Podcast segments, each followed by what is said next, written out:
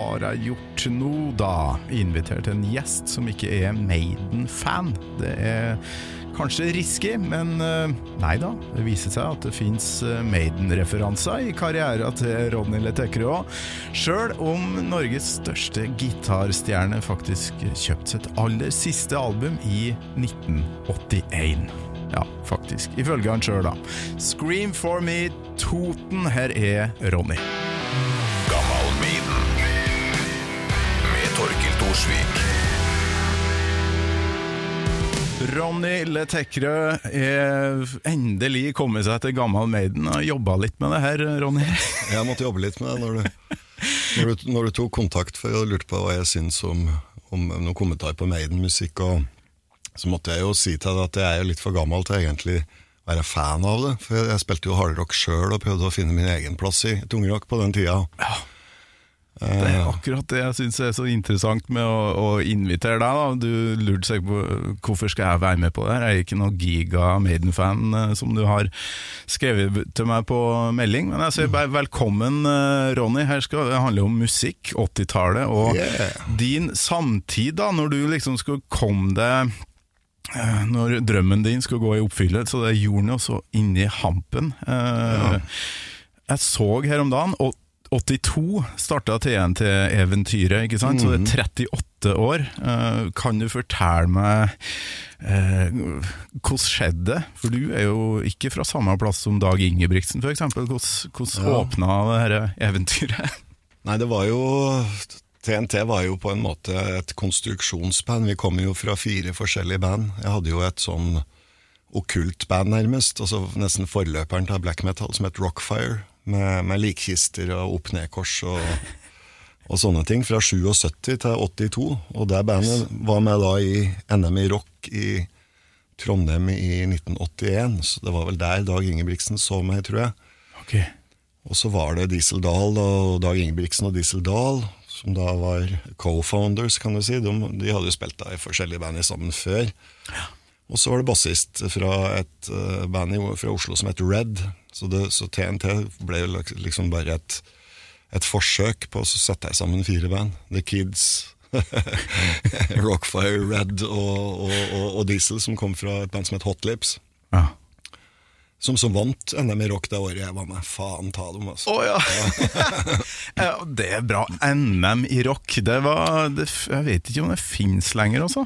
Det Nei, nei nå, nå er vi avspist med sånn idol eh, Jeg har jo ment nå i 15 år at faen, hvorfor ikke ordne litt spennende TV? Liksom Ordne sånn nesten Battle of the Bands, altså Idol for band, eller Ah, ja, Ikke sant? Altså, ja, folk er møkkaleit, ass. Altså, se sånne halvtalentfulle unge folk som Ja, som bare også skal da ta det her eh, steget litt for kjapt, altså ikke via eh, Jeg syns jo man skal ha en turné på baken før man liksom skal få smak litt på den deilige rusen av suksess. Eh, Helt enig. Jeg regner med du hadde eh, spilt noen konserter før det begynte å, å, ja, begynte å bli populært, det her. Ja, altså TNT for eksempel, altså jeg spilte jo mye konserter før det. Det første kan du si, profesjonelle oppdraget vi hadde med mitt første band, da, var vel i 79 som support for, for Øystein Sunde. Etter hvert så ble vi jo da supportband for det som, som jeg betrakter som Norges første kan du si, hardrock metal-band, som er Flaks. Flaks, ja. Flaks heter det, som ga ut to Hvor de var fra? Flaks var uh, satt i sammen av uh, folk fra Oslo og Østland og, og nordlendinger, og, og ga da ut den, den legendariske Flaks One, og da senere Monster Tapes. Jeg vet ikke om du har sjekket det, men det var liksom det, det her har jeg tror jeg hørte hørt deg snakke om det her før i en eller annen, eh, et radioprogram. Uh, har ikke sjekka det ut, men det her er jo pionerer, da. Det var pionerer, og vi så jo veldig opp til seg gutta der. Og, og det er klart, på den tida TNT begynte å spille, for eksempel, så var jo de banda der var mye bedre enn oss til å spille.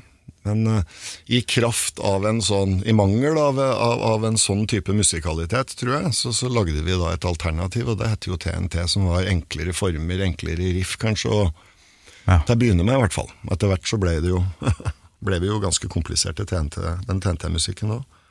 Ja, altså Det har jo skjedd ting der, men for min del er jeg født i 78, nemlig, så jeg var jo eh, var jo ikke gammel nok til å vite hva dere holdt på med da TNT kom ut, og så kom Mm. jo Nights of the New Thunder, Ja. og så Tell No Tales, da. Ja. Da våkna vel eh, lille Torkil oppe i Nord-Trøndelag der og, og tenkte hva er Eller kanskje jeg så dere før det på TV, var jo NRK var jo eneste vi hadde. Ja. Utrolig mektig kanal, for de, Ja. de hadde jo monopol. Og der lurer jeg på om dere spilte eh, med sånn vikingskip på scenen. Ja, riktig. Hva var det, husker du? Ja, vi lagde jo det vikingskipet. Vi snekkerte jo det vikingskipet i MC-brakka på Lerkendal. Eh, av spon- Jeg gjorde det sjøl, så klart. Ja, ikke sant. Og vi så vi hadde vært og sett andre band som hadde hadde lignende kulisser, ikke vikingskip, men kanskje billige løsninger. da. Og det er klart det funker jo jævla tøft å lage et, et vikingskip, og det passer jo veldig bra til det, det albumet 'Nights of the New Thunder', som på en måte hadde et vikingtema. da. Ja, altså lille um, nordtrønder Torkil, eh, altså hodet mitt eksploderte når jeg så det her, og så uh, syns jeg det var nesten litt sånn utenomjordisk at dere eh, var fra Norge. Jeg kunne ikke forstå at dere var norsk, for det, altså, musikkbransjen på den tida her var, var vel ikke vant med det spetakkelet dere reiste rundt med? Vi, nei, var ikke det. Vi opplevde jo veldig mye motstand fra norsk musikkpresse på den tida. Ja. Alle- Du kan si alt vi tok i ble jo dømt nord og nord og ned, så det var jo eh, Det var terningkast én, da, som du tilsvarende i dag, til, plata Tell No Tales. Den, sant? eh, VG skrev jo liksom 'Hva er dette?' Langhårige gutter i balletrange bukser. Men det som var fakta, var, var at de var akkurat som nå, de var jo fullstendig i utakt med tida. Ja. Og da kan jeg si at uh, nå, her jeg står som 56-åring, at, at tungrocken den lever i beste velgående, og den overlevde de fleste av de journalistene som skrev dritt på 80-tallet. Og, og, og kommer da til å nok en gang bli, hvis det ikke allerede er verdens største musikkform, jeg vet ikke, du har jo noen sånne noen sånne contenders, da, hiphop og ja da. som jeg, som jeg på en måte syns er he- hederlig da, i forhold til dagens popmusikk, så syns jeg hiphop er direkte kult. det, trodde, det trodde jeg aldri jeg skulle sagt. Helt enig med deg med tanke på alternativet. Ja, ja. Fy, fy flate, det er mye greier der som jeg, jeg helst ikke vil at ungene mine skal høre på, men de får det jo inn med, via alt av kanaler. ikke sant? Det er jo internett og smekk, så er de fans av eh, russemusikk, som jeg liker å kalle det. Ja, det er jo, det er jo russemusikk, så Ja. dagens pop er jo, er jo russemusikk, så Men du, jeg husker jo sjøl når, jeg- når bandet jeg er vokalist i, var liksom eh, på topp. eh, altså Samtidsmusikken da. eh, jeg likte jo ingenting, for det, det var jo bare Met-band som var bra, alt det andre var drit. Så hadde du litt sånn med Maiden, eller? 1982 så kom jo Number of the Beast og, og Bruce Dickinson. Hørte du noe særlig på det? altså, det var vanskelig å unngå det, og så høre på det. Jeg syns jo Number of the Beast var, det var helt opplagt godt håndverk, og, og at det var en del av bevegelsen. Så vi, var jo, vi satt jo alle sammen i samme båten. Jeg tror alle på den tida var enige om at vi at vi, at vi fighter for en sjanger, liksom. Den, den, tror jeg, den greia tror jeg forsvinner litt nå. Men vi, det var jo nesten et politisk, politisk motivasjon, altså. Ja. Det var liksom oss mot streitinga. Altså var det litt sånn mange I starten var det kanskje litt ufrivillig sånn uh, provokasjon at de kristne begynte å reagere og, og brent album og sånn, men det var jo fantastisk PR, kanskje, for de Mm. Helt ypperlig. Helt ypperlig. Så, så det var veldig motstand mot uh, tungrock. Uh, TNT opplevde Vi var vel pionerer på det i så måte, som fikk så pepperen. så det var, eh, det var jævlig interessante tider, men, men som sagt, politisk motivert eh, hele bevegelsen, og vi støtter jo det, det var ikke noe sånn at vi disset de andre banda. Det vi disse på den tida, det var jo uh, norskspråklig rock som kom fra Oslo. Det kunne vi ikke eh, fordra. Ah, Ok, Så Som for eksempel eh, jeg vil ikke si Kan noe navn, men de, Nei, de veit hvem de er, som hører på. ja, men altså for, meg, for min del så tenker jo jeg, når jeg hører på eller ser da på sånn eh, Elsker jo sånne arkivprogrammer på NRK. Mm. Og så se ting fra seint 70-tall, tidlig 80. Veldig mye sånn Arne Bendiksen. eh, Det var- det var det folk eh, fikk høre, altså. Det var det, og så fikk de høre en del sånn eh, undergrunn i Oslo. da, Kjøtt, Depress uh, Ja. Ja, ja, Sånn, de- sånn som Raga Rockers kom vel seinere, og det var jo rock'n'roll i, på, ekte måte. Michael Krohn er jo clean deal, ikke sant. Så, ja, altså... og, men, men det som, som gleda oss, var jo at sånn som Raga gikk jo nesten inn i et tungrock-modus. forlot punken, kan du si, med kjøttgreiene og sånn. Så, Ja. Og det gleder jo oss. Så, så den konverterte, rett og slett. Men Du øh, har jo skjønt at noen sånn Giga Maiden-fan er du jo ikke, for de har jo holdt på i noen år nå med tre forskjellige vokalister, men, øh, men du måtte jo velge ei låt. Øh, Hva, hva var det? Eh, Det var jo, altså jeg var jo Når jeg oppdaget Maiden, så var det jo, fikk jeg vel noen teiper av noen plateselskaper jævlig tidlig med sånn som var, var, var plate første albumet, husker jeg hørte med, så var vi Killers, var vel to, album nummer to, så vidt jeg husker. Og der syns jeg det var med Paul Diano, som jeg fremdeles mener kanskje var den tøffeste vokalisten. Med mest, mest originalitet, da kan du si, i det bandet. Så eh, Du er ikke eneste som syns det. Det er veldig mange uh, som trekker fram øh, den perioden, da. Ja. Som, Uh, men jeg tror ikke han passa inn i push, puslespillet til Steve Harris. Som er liksom, Det er vel kanskje han som er ja, sjefen. Sjefen, ja. Så det er Killers, eh, da snakker vi 1981. eh, Ja. Og da Da var vel du i gang med å, å spille i band? Og, Da hadde jeg spilt i band i mange år. Ja. Vi spilte jo satanrock med, do, med doble basstrommer. og det er tidlig. Det er tidlig. Da snakker vi til ja. Så da holdt jo dem Det er jo sånn Ja, mange som mm, mener at eh, de to første albumene At det er litt punk eh, At det er en blanding Mm. mellom punk og, og metal Og så litt Judas Priest, litt eh, Thin Lizzy Det er twin uh, Mm. Ja, gitarene eh, som det kalles Og hvilken låt uh, har du lyst til å velge da? Hva, Hva heter den? 'Murders in the Rumorg.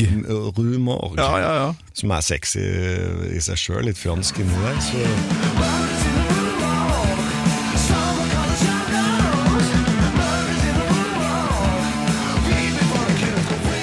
Paul Diano, du, du snakka om eh, originalitet mm. i forhold til Bruce Dickinson. Hva tenker du eh, rundt det?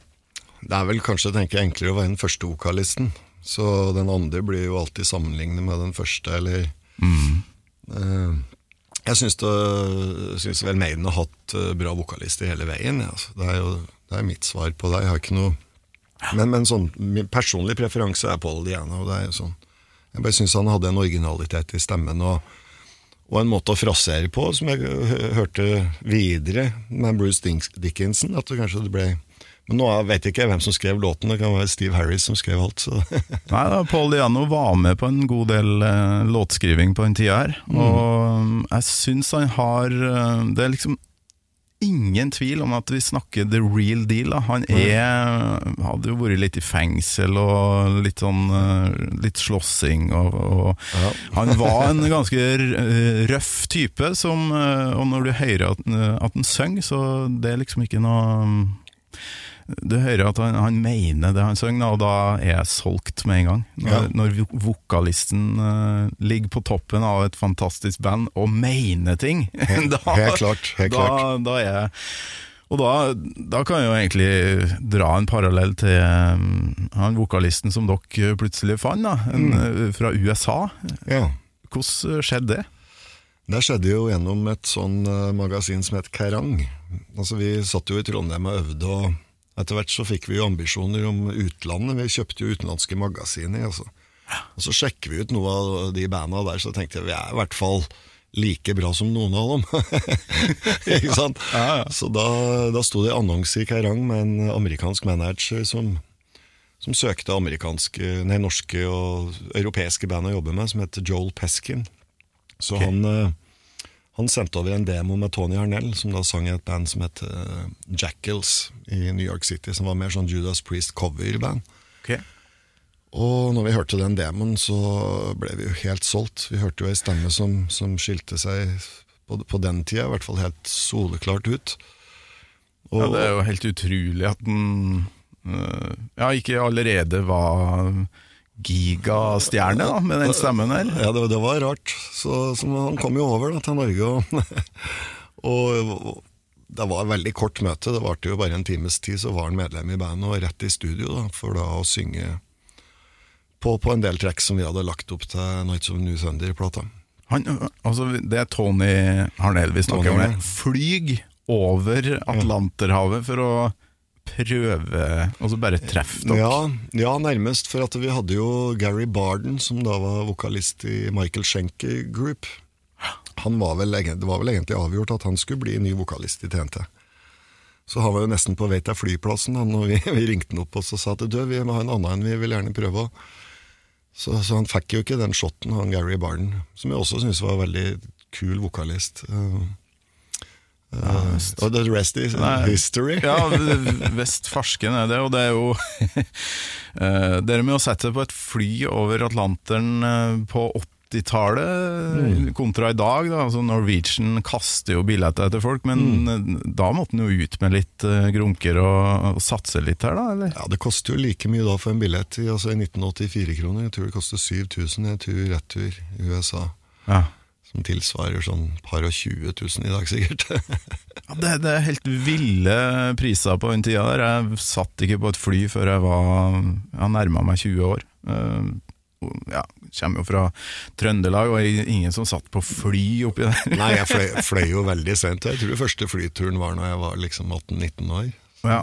Og alt av turneer dere gjorde i starten med Fantes det, Hadde dere noen nightliner? Fantes det i Norge? Var det noen som hadde innreda en buss med senger, for Ja, altså, eksempel? altså, vi kjøpte jo egen buss med den første besetninga. Så kjøpte vi en buss som vi kalte Bunkersen. Ok, det høres ut som var, en var en tragedie av en buss som bare gikk sund hele tida.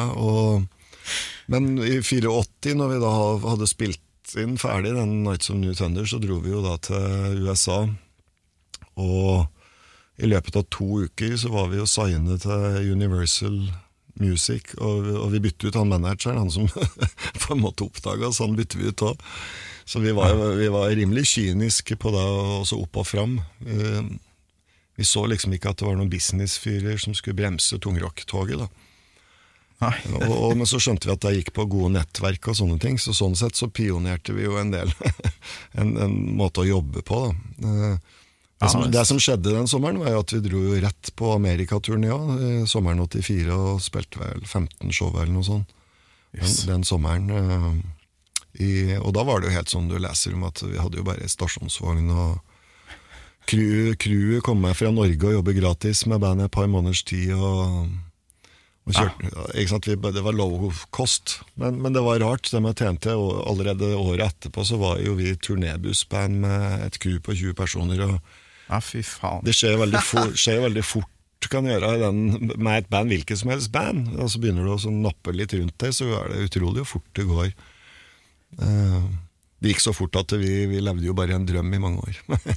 Ja, fy flate. Du, jeg må en, leite mens vi snakker etter et klipp, for jeg ringte deg jo i en eh, anledning her. Vi skulle kåre beste albumet eller noe sånt. Det var lytterne som skulle stemme fram. Og så jeg gjorde et veldig fint uh, intervju med deg her, som jeg har så lyst til å finne fram, men jeg kan jo lete litt mens vi for der er du Du, du er ikke sånn at du, at du bare skryter så mye av deg sjøl, men jeg, jeg må jo si, da, når jeg, når jeg hører ja, 10,000 Lovers da, for første gang på 80-tallet, så eh, det er jo en utenomjordisk gitarteknikk du, du fremviser der. Eh, Hvem er Eller hvordan, hvordan gikk det an å komme fra Norge og ha opparbeida seg den eh, teknikken og stilen som du hadde der?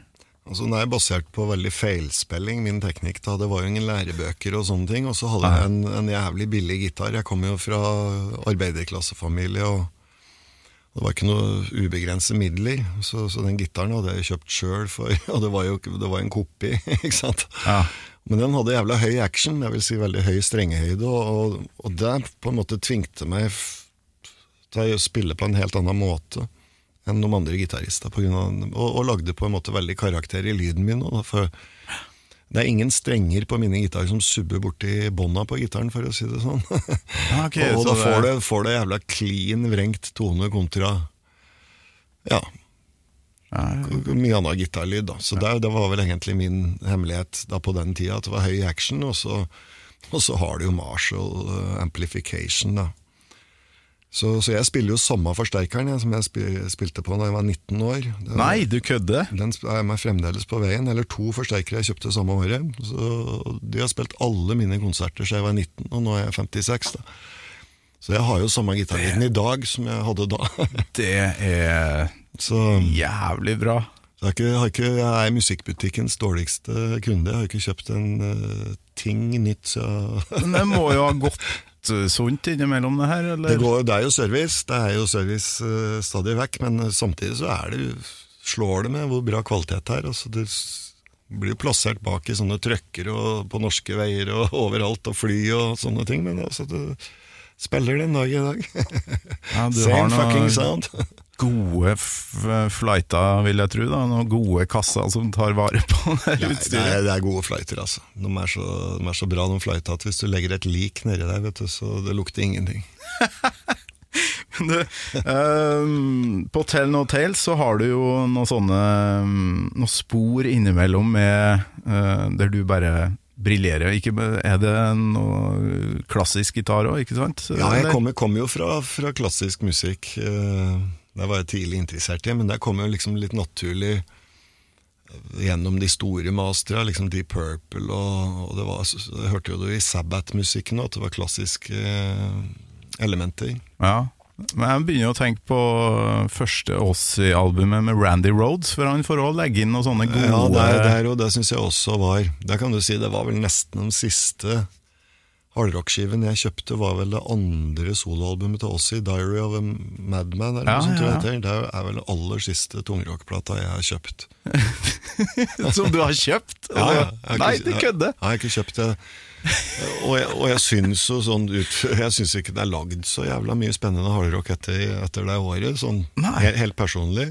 Så, så er gullet lagd en plass mellom eh, 75 og bare 80, 83 kanskje. Aff, Ja, altså Jeg kan jo ikke si at jeg er enig med deg, men eh, når du nevner de årstallene der, de tingene som foregikk på Mm. den tida altså, Alle bandene som bare drev og bytta på de beste musikerne, Deep Purple, Rainbow, Mm. eh, White Snake, og det var mm. For noe folk! Det var jo dem, det var ganske innavle. Det var jo mye samme Mye. folka som eh, Etter hvert så kom det jo flere mennesker som spilte tungrock, og da, ja, ja. da kom det flere band, og så Men du mener at det er det siste du kjøpte? Ja. Nei, dæsken. Det er den aller siste Diary of a Madman. Diary of a Madman. 1982 eller noe sånt. 81. Ja. Da skjønner jeg at du ikke har hørt på så mye Dickinson Maiden. Da, at, eh, Nei, men, men, men det er jo umulig å ikke få hørt det. Jeg har jo mange venner som er, de er så hard, die hard. Både, jeg har jo Kiss-venner, og, ja, ja. og, og, og tida har jo lært meg da, at øh, det er tre band du ikke snakker dritt om. liksom. Det er Kiss, Metallica, Iron Maiden. Det er, øh, det er farlig business. ja, for da får du en tredjedel av befolkninga, i hvert fall eh, rockebefolkninga, på nakken. Eh, Du, du gjør det, og så- er det sånn, jeg har jo ikke noe mot bandet. Jeg syns jo Kiss har noe Detroit Rock City har veldig mye tøff musikk, og jeg har til og med spilt inn en tribute-låt for Kiss fanklubb. Og så har du, har du Metallica, som jeg, som jeg og syns tidlig Metallica var vel litt på samme måte som tidlig Maiden. Jeg syns det var røffere og men, men eh, det, det som kan du si, det som TNT på en måte tente jævlig på, det, var jo Slayer. Og, som, og som også ble venner av oss etter hvert, og som var på mye TNT-konserter og sånn når vi spilte i Statene. og TNT og Slayer, ja. Slayer, det er- Gode venner. Ja, nå i dag så har det vel sklidd ved, men uh, Tom Araya og sånn, vi var tette i noen år der, så og vi hadde veldig respekt for, for det uttrykket og den, den måten også. Ja, det er jo Å prøve å mest ko- komme bort fra det tradisjonelle tungrock. eh, Vi skjønte rett og slett ikke åssen de gjorde det. og ja. Ja, altså blant de eh, svære såkalte thrash-bandene, så eh, var vel kanskje dem som gikk lengst unna sånn eh, Det snakker jeg vel om i en annen episode her, og eh, i Gammal Maiden, at eh, Jeg er så glad i en god melodi, et riff, noe som du husker. ikke sant? Men Ja. Slayer de fjerner seg litt fra det, sånn at jeg, jeg, sliter. Det er vanskelig å like det. Du må høre på det gang på gang. Rain in Blood det, det er et album jeg har hørt så mange ganger at nå, nå begynner jeg å krype godt inni Ja, ja, sant. Det er jo like, det er jo like kom kommersielt som 10,000 Lovers, det, vet du. Hail Satan, Ja. Satan, Satan. Oh, Angel of Death! Altså, de, de der primalskrikene til han uh, Ab absolutt. Og, og trommegruva, også, også gitarsolo. At de var så fullstendig kakofoniske. Og, Ja og, og ut, utafor på en måte sånn trent harmonikk. Da. Så det var jo Men det her skal vi ikke være noe Slayer-program, men kanskje du skulle Men eh, det er vel eh, ja, Ideen er jo at hvem som helst eh, skal kunne høre på en episode av det her uten å være helt Maiden-nerd. Nå har det vært mye nerding fram til nå. Det var egentlig litt deilig å få inn en som ikke har den der samme ja, forgudinga av den her gjengen som det er. Men nå tror jeg jammen jeg fant det klippet. Altså jeg prøvde, jeg syns å huske at jeg prøvde Nå ringer jeg til Ronny Letekrø her, og så skal jeg få han til å eh, skryt av seg sjøl og det de holdt på med på 80-tallet. Og jeg tror det her var da Skal vi se, jeg må putte den inn der. Jeg tror det her var resultatet. Nei. Nei. Spiller ingenting. Veldig rart. Ja, det er det, ikke sant? Denne digitale driten. Det er derfor den gamle rocken og Maiden låter så dritbra. Vet du hvorfor? For det er spilt inn analogt. Så hvis du, hvis du lurer på hvorfor du liker Maiden, altså herre platen fra 80-tallet Ja, det er spilt inn analogt, det er ikke det digitale pisset. Som du nå sliter med. Jeg, jeg vet det, jeg vet det. Det er ganske merkbar eh, forskjell etter hvert her. Nå, skal, nå må det jo gå. Så hvis du skal, hvis du skal spille inn uh, tungrock med eget band, så er du hjertelig velkommen til studioet mitt. Vi uh, kjører fremdeles 24 spor analog og pumper på. Jeg ser du legger ut en del bilder fra Jeg så et bilde her om dagen av at du var med et band utafor et nydelig bygg. Er det inni der, studioet? Ja, Riktig. For et utrolig fint bygg! Takk. Er det, eh, har du eh, restaurert noe, eller er det nybygg? Det, det, var, det var, Vi bygde jo det studioet for 25 år siden. Og det, det var et gammelt laft da, fra 1811 Ja. som sto mange mil unna, så det ble revet ned og nummerert stokka. liksom Fra 1 til 575 tømmerstokker. og så satte, satte vi det opp igjen, og så eh, fikk vi en arkitekt eh, fra Nidaros studio som tegnet studio, og vi ville ha det proft. Og, og mye analogt utstyr. Vi, vi er jo suckers for det, ikke sant. Og du eh, holder på med soloprosjekt akkurat nå? Soloprosjekt. eh, Driver på da med den tredje skiva i trilogien min, som heter Mine Amph. Mein Amf, ja. Mine Amph så jeg gitt ut Mine Amph 1 og Mine Amph 2. Nå kommer Mine Amph 3. Det er Nesten Knausgård, vet du. Det er Knausgård. Det er Forskjellen på meg og Knausgård er vel at han utleverer andre folk, mens jeg utleverer meg sjøl. Nei, men Så utrolig spennende. Så det er ja, Korona ødela jo mye for, eh, for eh, livespilling og sånn, men de dem som har råd til det, kan jo i hvert fall være eh, kreativ. Eh, Og kanskje sult gjør at man blir kreativ òg. At man blir Jeg vet ikke. Jeg merker det. altså jeg har, jo, jeg har jo fått I den prosessen her så har jeg fått koronivirus. Koronavirus. Koronivirus. Som gjør at, at jeg da drikker mye mindre rødvin og lager mer musikk. Ja, du gjør det, ja? Ja, så det er det som eh, Det var effekten på meg. Det der er jævlig artig å høre hvor, hvor forskjellige måter det her viruset har, uh, har prega folk. da Det er jo noen som går rett i kjelleren, mens andre bare blomstrer og slutter Og, ja, Jeg kjenner flere som rett og slett har slutta å drikke og, og røyke, og det er mye sånne ting. Bare jøss. Hva, hva skjedde der? Jeg er jo småbarnspappa, så jeg har ikke tid til å tenke på noe annet enn det. Men, men eh, så du har Du skriver så, så det ryker etter du nå? Det har jeg gjort altså det siste halvåret. Så jeg har jo sånne tørker, jeg òg. Det kjenner vel mange musikere til, at det kan gå fort et år uten at det kommer et nytt riff, eller kanskje to år òg. Men nå siste halvåret så har det vært eh, full blomst. Ja, visst. Herlig. Lurer på om jeg, hvis jeg trykker på en knappe der nå Det er vanskelig å dømme sin egen musikk. altså Jeg er jo helt inhabil. Men altså, jeg, jeg syns jo stort sett alt jeg har lagd er dritt. Men det er klart, vi har, vi har jo gjort en, en god skjerv for norsk rock. Jeg har jo brukt hele livet mitt på denne musikken. Av TNT-ting så syns jeg vel kanskje Tell No Tales var et uh, hederlig forsøk på den lista. Hederlig forsøk, det er utrolig bra.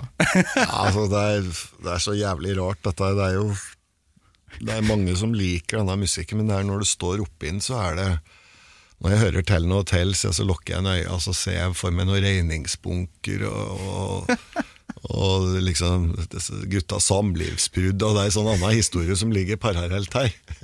Som ikke, som ikke er 10,000 Lovers in One. Jeg skjønner. Men eh, så Nei, det er lettere å skryte av andre menneskers musikk. Altså, det er vanskelig å si noe om, om sin egen.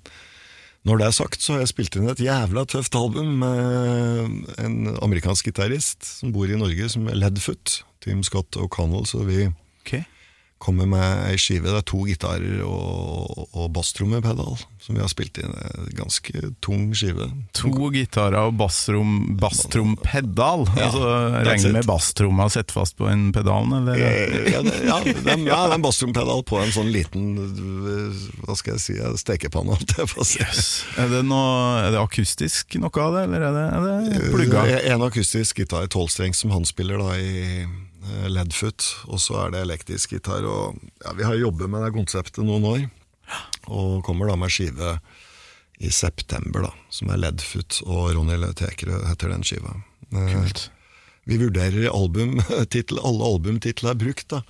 Så, så, vi, så, så, for, å, skal for, finne- for å finne en som ikke er brukt, så klarte vi å finne en.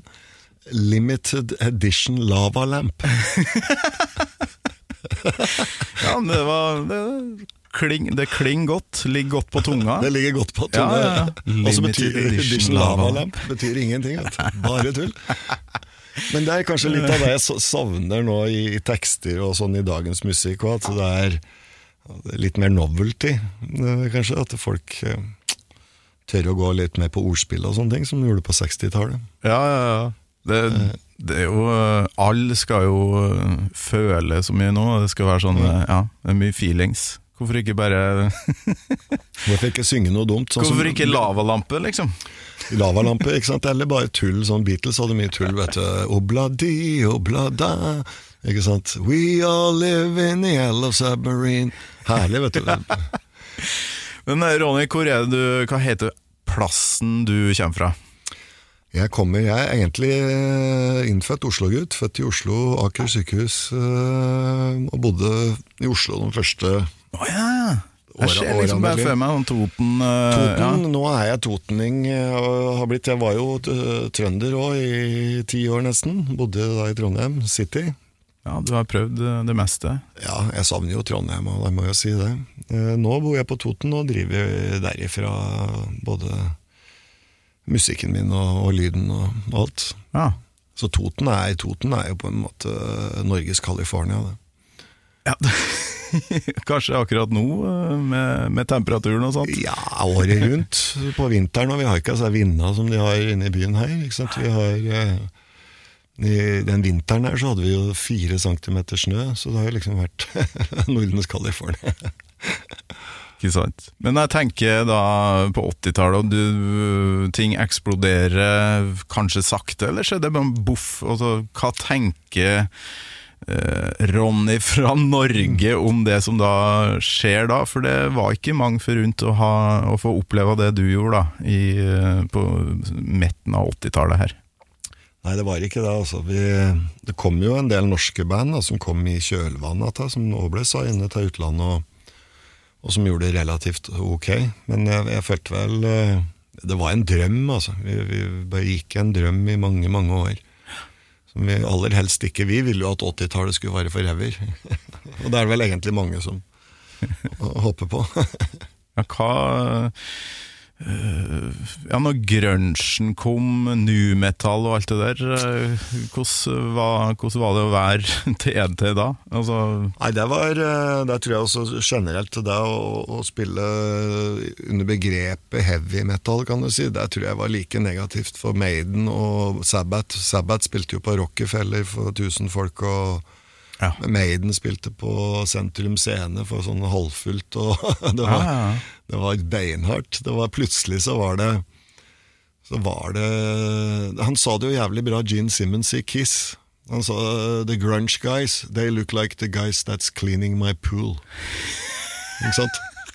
Kort, korte bukser og langt hår gikk altså renses eh, svømmebassenget hans, ja, ja. Altså, dude, litt sånn, eh, Ja, ikke litt sånn sløv i tillegg. Men det, det trengtes, så all, alle kan du si Det var et paradigmeskifte da.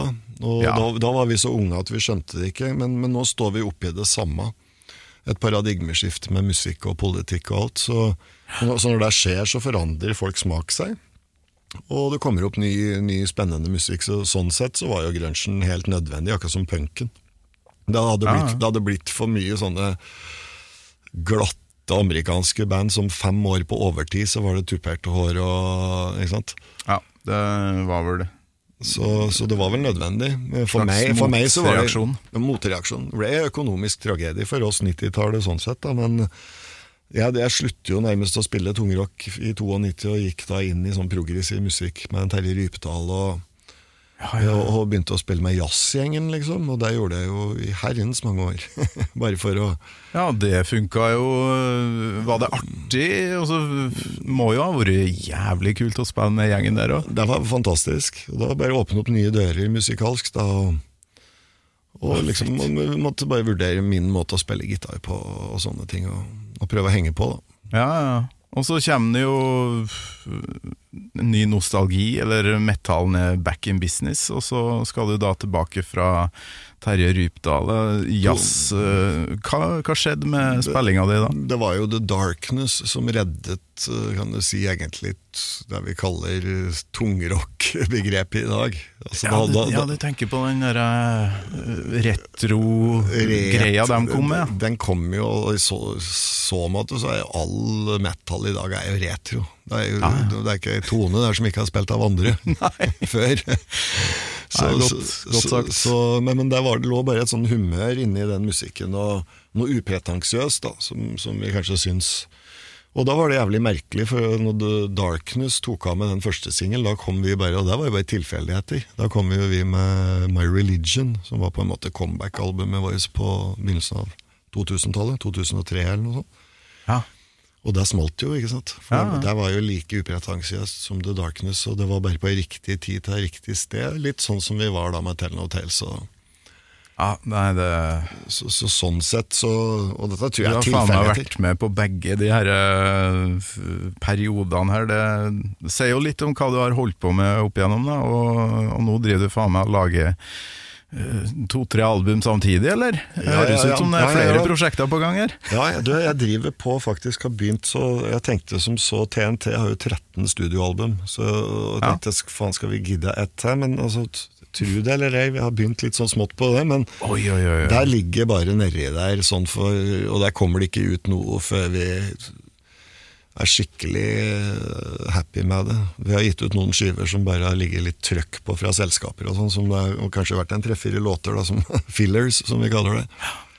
Nei, men jeg så noe sånn, eh, var det Facebook, at du kanskje skulle ha en eller annen sånn drive-in-konsert eller noe sånt. Blir det, blir det noe sånt i sommer? Ja, det- Får spilt litt? Nei, det blir ikke det. Altså, vi, vi hadde jo vi, vi hadde jo la ut det på Facebook-sida som en første 1. aprilspøk, vi. Ok. TNT Driving-konsert. Men så ble den liggende litt lenge.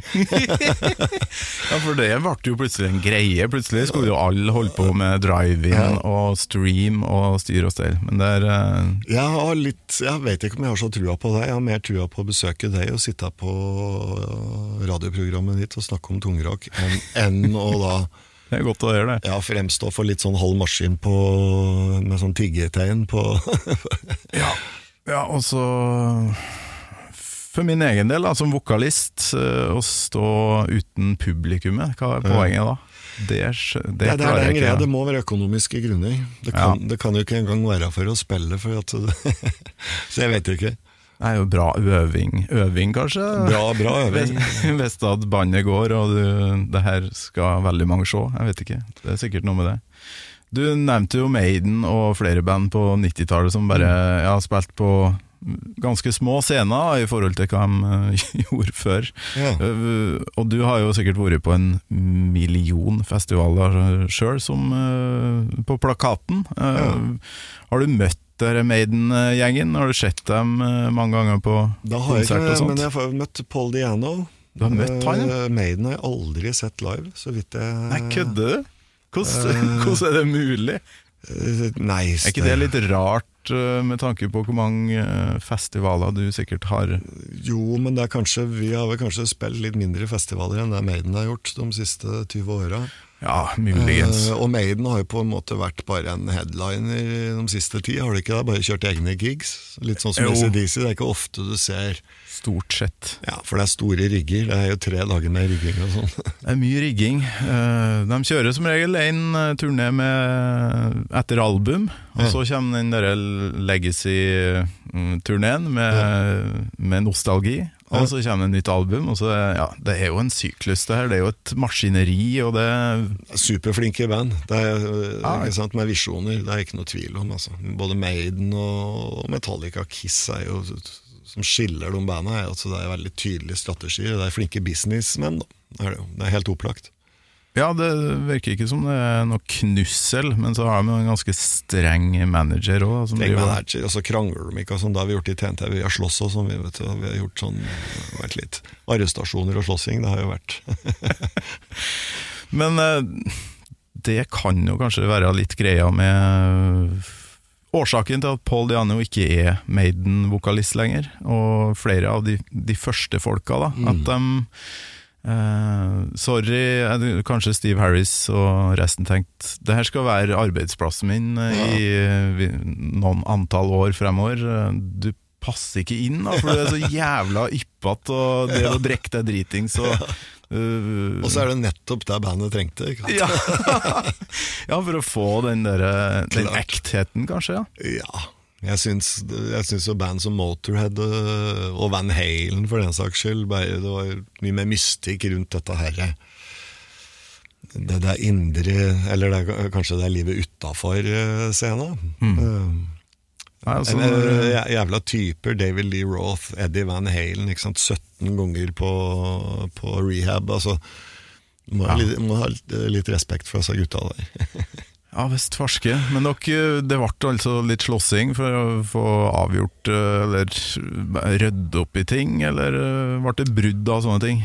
Ikke bare Nei, beinbrudd, altså, men Jeg tror det er vanskelig. Altså, du ser jo vanskelig det er. Du har bare fått deg et forhold med kjerring og to små unger. Det er jo heavy nok, det. Ja, det blir, det blir jo litt det samme. Det blir ja, altså Begge har, eller alle sammen, da, i, har samme drømmen, men kanskje ikke samme måten å gjøre ting på.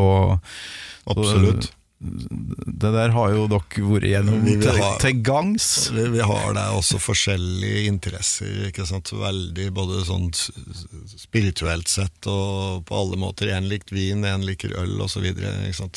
Men her om, eh, ja, for noen år siden, eh, ikke så lenge siden, så så vi jo Dag Ingebrigtsen plutselig sammen eh, med dere igjen. Og da, Ja, det- da blir jeg varm, Ja. varm om hjertet og tenker faen for en eh, herlig gjeng da, som bare kjører på og, og mimrer sammen. da. Ja, vi måtte jo det er Den kvelden dette var i forbindelse med Rockheim.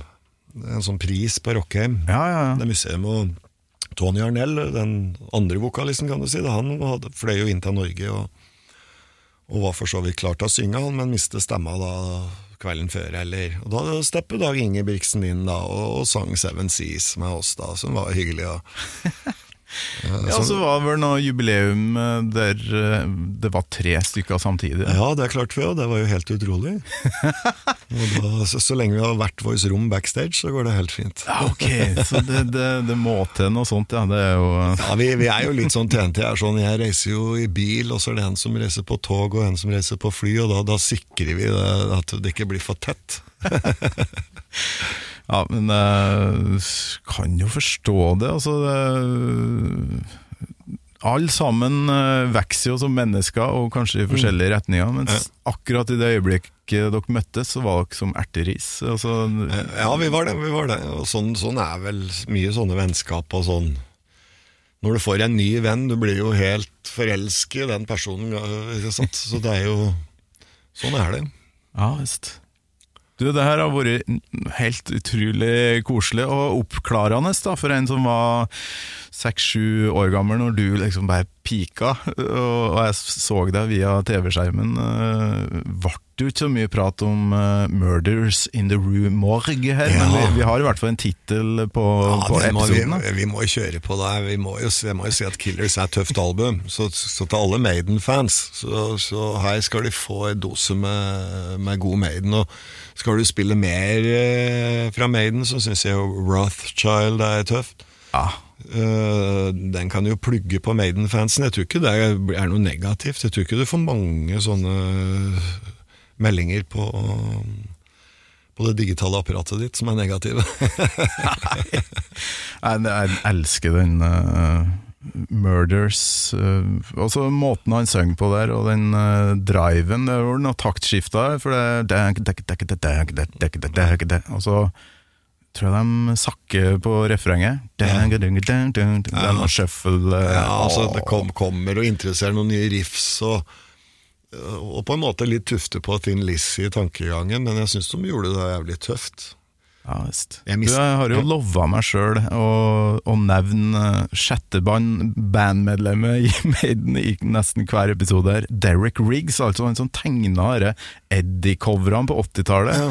Hva tenker du om den visuelle greia Maiden hadde, som tydeligvis funka noe jækla bra, da? Vi skjønte at det var genialt fra første stund, og, og på en måte dette var jo en del av gamet sånn, sånn på 80-tallet. Altså, så TNT-platene var jo bare Tell No Tales som ikke logoen til TNT, den trekantlogoen. Ja, hva faen skjedde der? Det Den er jo en, jævlig fin, den trekantlogoen. Ja, det var en amerikansk platedirektør som sa Now we just write it like in regular letters. det var jo bare bullshit. Hva faen? Og, Ja, det jo og vi hater jo det coveret, vi, på, på den plata. Vi fikk jo ikke se coveret før den lå foran oss printe. Ok, såpass lite ja, finger. Så et grått cover med fire gubber utpå, så sto det liksom TNT med hvite bokstaver oppi. Ja, for Hvis du liksom har TNT-katalogen eh, framfor deg, da, og Så- tenker kanskje at Tell No Tales er peaken, så er det jo det dårligste coveret. Helt klart dårligste coveret, og det eneste cover uten logo. Ja, det er helt utrolig. Og så vi gikk jo rett tilbake, ikke sant? da var vi i gang igjen, og etter det så nekter vi å fjerne den logoen. Vi, det er jo en av Tungraks beste logoer. Han er jo, Ja. Han er jo jevngod med liksom S-a i Kiss og, og litt sånn. Helt enig, og det Nei, men tenk dere noen gang at faen, vi må jo ha en sånn uh, maskot à la uh, Snuggletooth, det den heter i Motorhead, og, og Eddie da i Maiden. Tenk dere noe på det? Ja, vi tenkte jo på det første plata, så lagde vi en låt om maskotten til Maiden som het Eddie.